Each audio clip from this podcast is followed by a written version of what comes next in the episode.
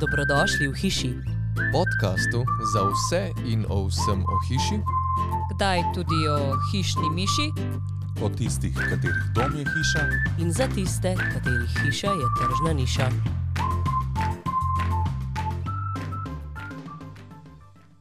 Če se postavimo v kožo nekoga, ki se zdaj loteva planiranja hiše, kakšen je najboljši način, kako bi se lotil načrtovanja pametnega doma?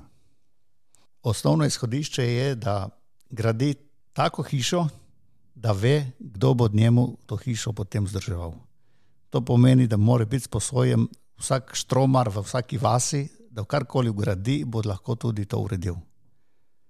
Ker velike znanosti se dela s pametnimi hišami, zdaj s tehnologijami, kot so KNX in podobno, zelo napredne, vse je super, in potem pa boli glava čez leto, dve, ki ugotovijo, da je lahko v Sloveniji deset ljudi, ki znajo to zadevo potem tudi vzdrževati. Načeloma vsa oprema je dobra, to se ne kvari, ampak nisem še slišal za svetovnega proizvajalca katerekoli opreme, ki bi rekel, da je da doživljenjsko garancijo, pa da se ne bo nikoli več pokvarilo, če ne drugega udari strela. In potem ste odvisni od pet ali pa deset inženirjev za celo Slovenijo, kdaj bo tisto prišli urediti. Torej, osnova za vsakega je, ki gradi hišo, ki kupuje hišo ali stanovanje, da si zagotovi, da je taka oprema, ki jo zna vzdrževati vsak štromar v vsakem mestu ali vasi. Ni pa mogoče, da je ta sistem tako enostaven, da bi ga ti sam vzdržal. E, to vsekakor drži, da sisteme, ki jih ponujamo in ki so danes na voljo, je to možno, ampak e, vemo že po zakonodaji, e, niti vtičnice ne smeš sam zamenjati, mora biti to profesionalni inštalater. In reklamirati produkte na 220 voltov, da je to tako imenovan DIY trg, dejansko si že v nasprotju samo zakonodajo in to velja praktično za vse države Evrope. Žarnico še zašraufamo sami, ne? ampak že to je, vedno manj ljudi jo zašraufa sam. Tako da zamenjati pa recimo luč ali pa stikalo ali vtičnico je treba skoraj že inštalaterja in to velja isto za te produkte. Ampak vsak, ki doma je sposoben zamenjati vtičnico ali stikalo za luč sam, zna tudi postaviti sistem pametne hiše sam ta zadeva se sliši zelo kompleksna.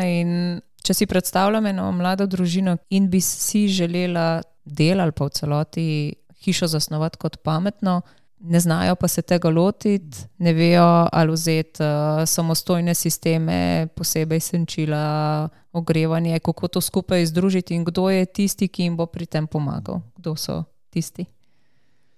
Eh, bistveno distribuirane hiše je to, kar smo že na začetku povedali. 100% distribuiran sistem. Torej, vsako napravo, vsaka naprava, in že deločimo še, kaj pomeni navadna naprava ali pa pametna. Ne? Če govorimo, kako ste že rekli, senčilo, senčilo ima motor. In motor za senčilo mora delovati samostojno preko stikala, gor pa dol. In to mora imeti vsaka hiša, brez da bi rekli, da je treba to povezati v pametno hišo. In potem ta navaden motor, ki je tudi draleč najcenejši motor, enostavno mu dodamo še to elektroniko, ki se ugradi za stikalo za senčilo. In to senčilo je še vedno 100% samostojno in deluje enako kot brez tega modula. Sam razlika je ta, da ta modul se bo povezal še potem v eno skupno centralo in se upravlja potem preko pametnega telefona oziroma nadaljavo in urnikov. Ampak bistveno je, še enkrat bom to večkrat danes ponovil, ostaja klasična elektroinstalacija, ostajajo klasični kabli, to, kar zna vsak elektroprojektant sprojektirati in vsak štromar povezati, in nadgradnja samo v komunikaciji.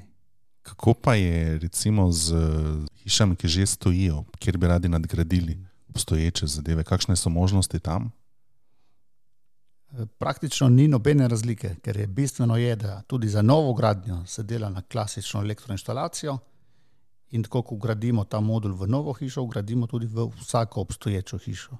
To pomeni, da je enostavna nadgradnja vsake hiše na, za pametne razsvetljavo, za senčila je treba pa dati prvo motor noter, potem pa jo nadgradimo kadarkoli. Ampak vse, kar imamo danes v vsaki hiši eh, priključeno na 220 napajanje, lahko v roku dveh ur nadgradimo v pametno hišo.